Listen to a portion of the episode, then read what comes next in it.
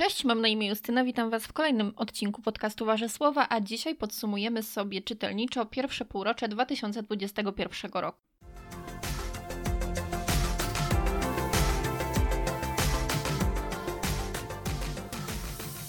Zastanawiałam się, jak to zrobić, żeby, żeby nie przedobrzyć, bo tak naprawdę od tego roku mówię co miesiąc o książkach, które przeczytałam, e, więc nie chciałabym się powtarzać i nie chciałabym ciągle mówić tego samego w koło. Natomiast chciałabym ten rok jednak, to, to półrocze, pierwsze podsumować, bo było w nim naprawdę sporo fajnych książek i mam nadzieję, że może Was zainspiruje do ich przeczytania, bo oczywiście dzisiaj będę mówiła o książkach najlepszych. Na te gorsze nie ma sensu tracić czasu dwukrotnie, moim zdaniem, więc dzisiaj mówimy tylko o tych perełeczkach.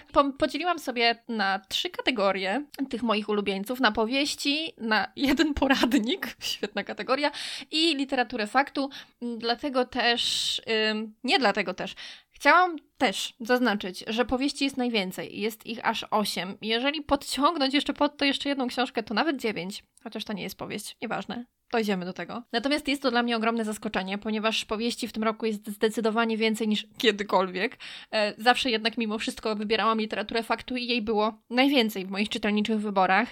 To się zmieniło właśnie w 2020 roku dzięki audiobookom. Mówiłam już chyba o tym. I dzięki temu, że mam więcej przestrzeni na poznawanie tych powieści. I rzeczywiście, wydaje mi się nawet, że w tym roku czytam zdecydowanie więcej powieści literatury pięknej niż literatury faktów, więc jest to dla mnie i dziwne, i z jednej strony cieszę się, że mogę, że mogę to nadrobić, bo jest tutaj naprawdę kilka perełeczek. Najpierw opowiem Wam po prostu o tych książkach, a później lekko, lekko, krótko, strasznie mi się dzisiaj język plącze, krótko to wszystko podsumuję i zacznijmy od powieści, bo ich jest najwięcej. Natomiast wrzuciłam też tutaj jedną z książek, o której mówiłam już wielo, wielokrotnie, więc nie będę się za dużo powtarzać, ale wrzuciłam ją tutaj, bo w zasadzie nie wiedziałam, gdzie ją wrzucić, a nie chciałam robić osobnej kategorii na fantastykę, skoro ja jej praktycznie nie czytam. Jest to zbiór opowiadań Anety Jadowskiej. Uwaga, uwaga, kto się domyślił, Cud Mit Malina. Nie jest to może jakaś pierwsza książka, którą chciałam... Pierwsza... To nie jest kolejność taka, że wiecie, od najlepszej do najgorszej, tylko po prostu chciałabym o niej powiedzieć, bo nie za bardzo mi pasuje do żadnej kategorii, natomiast już wielokrotnie mówiłam, że jest to książka tak cudownie lekka i tak cudownie nadaje się na wszelkie zastoje czytelnicze. Wiem, bo poszła też w świat po moich poleceniach i, i, i też się podobało i też się przydało na takie czytelnicze zastoje, dlatego Cud Miód Malina polecam po raz nie wiem który, e, ale już nic więcej o tym nie powiem, wszyscy wiedzą o co chodzi. E, I zacznijmy od powieści. I nie będzie chyba po kolei chronologicznie, jeżeli chodzi o ten rok, bo na pierwszym miejscu zapisałam sobie księgi Jakubowe, o których nagrałam cały odcinek, który na pewno podlinkuję.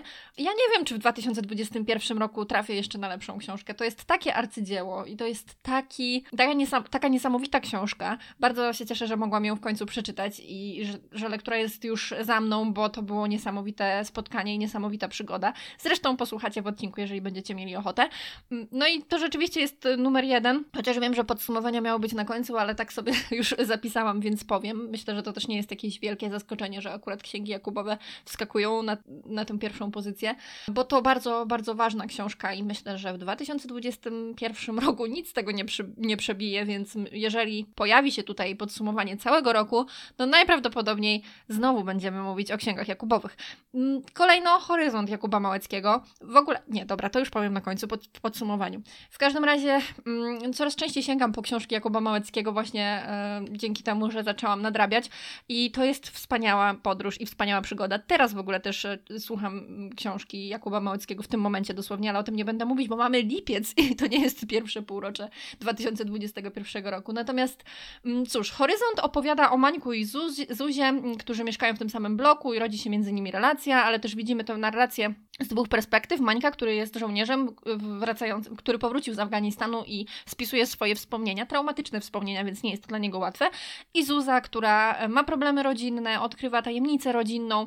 Ich losy się splątują, oni sobie wzajemnie też pomagają. To jest bardzo, bardzo dobra książka, bardzo dobra historia i przede wszystkim świetna narracja, dlatego serdecznie polecam Horyzont Jakuba Małeckiego. Następnie Tysiąc Wspaniałych Słońc, czyli opowieść o dwóch kobietach, których łączy to, że wychodzą za jednego mężczyznę.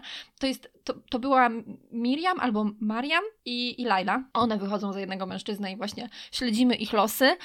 To jest książka przepełniona smutkiem, dla mnie przynajmniej, e, i bardzo kibicowałam tym kobietom. Mimo świadomości, że to jest inna kultura i będzie im trudniej, to jednak mimo wszystko trzymałam kciuki, żeby wszystko poszło po ich myśli. No ale tutaj właściwie nie będę nic więcej mówiła, po prostu serdecznie, serdecznie polecam Tysiąc Wspaniałych Słońc. Autorem jest, i to nie jest takie proste, żeby to wymówić, Khaled Hosseini, tak, tak to zostawmy. Następnie trzynasta opowieść Diane Setterfield, o tym też już e, mówiłam, jest to naprawdę doskonała powieść, doskonała.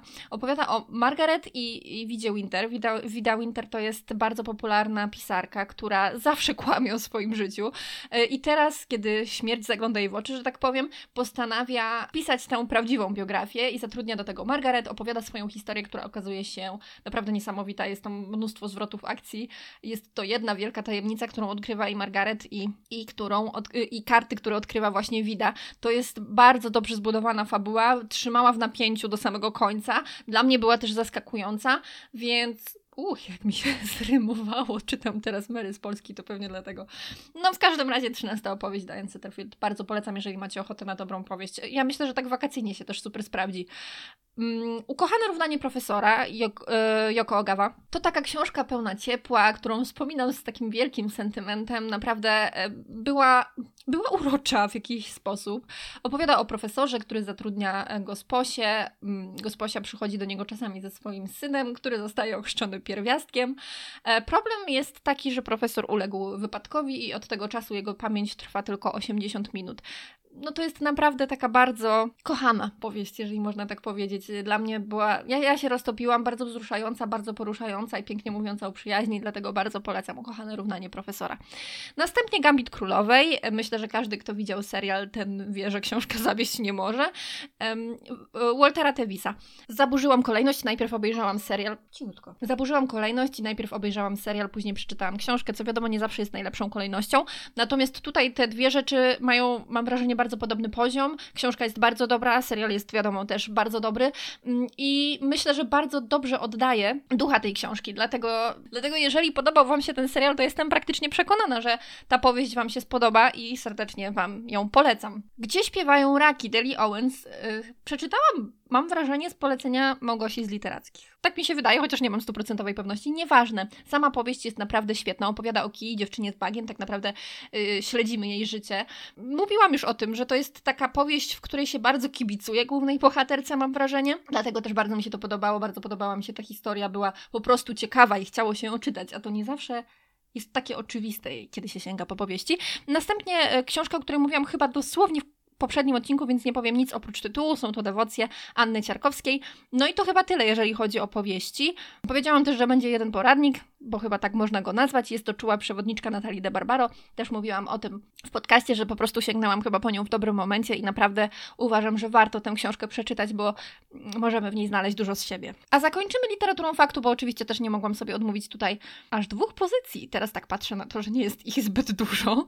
To naprawdę nie jest, y, nie trzech, przepraszam, czterech. Źle policzyłam. Okej, okay, nieważne. Cofamy to. Z poprzedniego odcinka tutaj będę mówiła o dwóch książkach, czyli o autobiografii Magdy Gessler, którą e, stworzyła razem z Dominikiem Linowskim oraz beksińscy portret podwójny Magdaleny Grzebałkowskiej. O tym mówiłam dosłownie w poprzednim odcinku, więc nie będę się powtarzać, tylko wspomnę. Natomiast chciałabym jeszcze wspomnieć o dwóch reportażach. Pierwszy jest takiego cięższego kalibru, czyli Nie oświadczam się Wiesław Łuka. To jest naprawdę genialny reportaż, bardzo dużo pracy włożone i opowiada o zbrodni połanieckiej, więc sama w sobie ta historia jest jest tak absurdalnie okropna, że to się w głowie nie mieści. Naprawdę uważam, że warto sięgnąć po, tę, y, po ten reportaż, poznać tę historię tak naprawdę od środka. I Kaprysik, tutaj troszeczkę już lżejszy kaliber, Kaprysik Mariusza Szczygła. To są opowieści o kobietach i uwielbiam w Mariuszu Szczygle to, jak on jak on dostrzega, jak on patrzy na ludzi, jak ich opisuje, to jest coś niesamowitego, bardzo mi się to podoba. Jego pióro jest w ogóle takie, że się po nim płynie, więc ja serdecznie Kaprysik polecam. To jest malutka książeczka i naprawdę warto po nią sięgnąć. I co? I to by było chyba na tyle.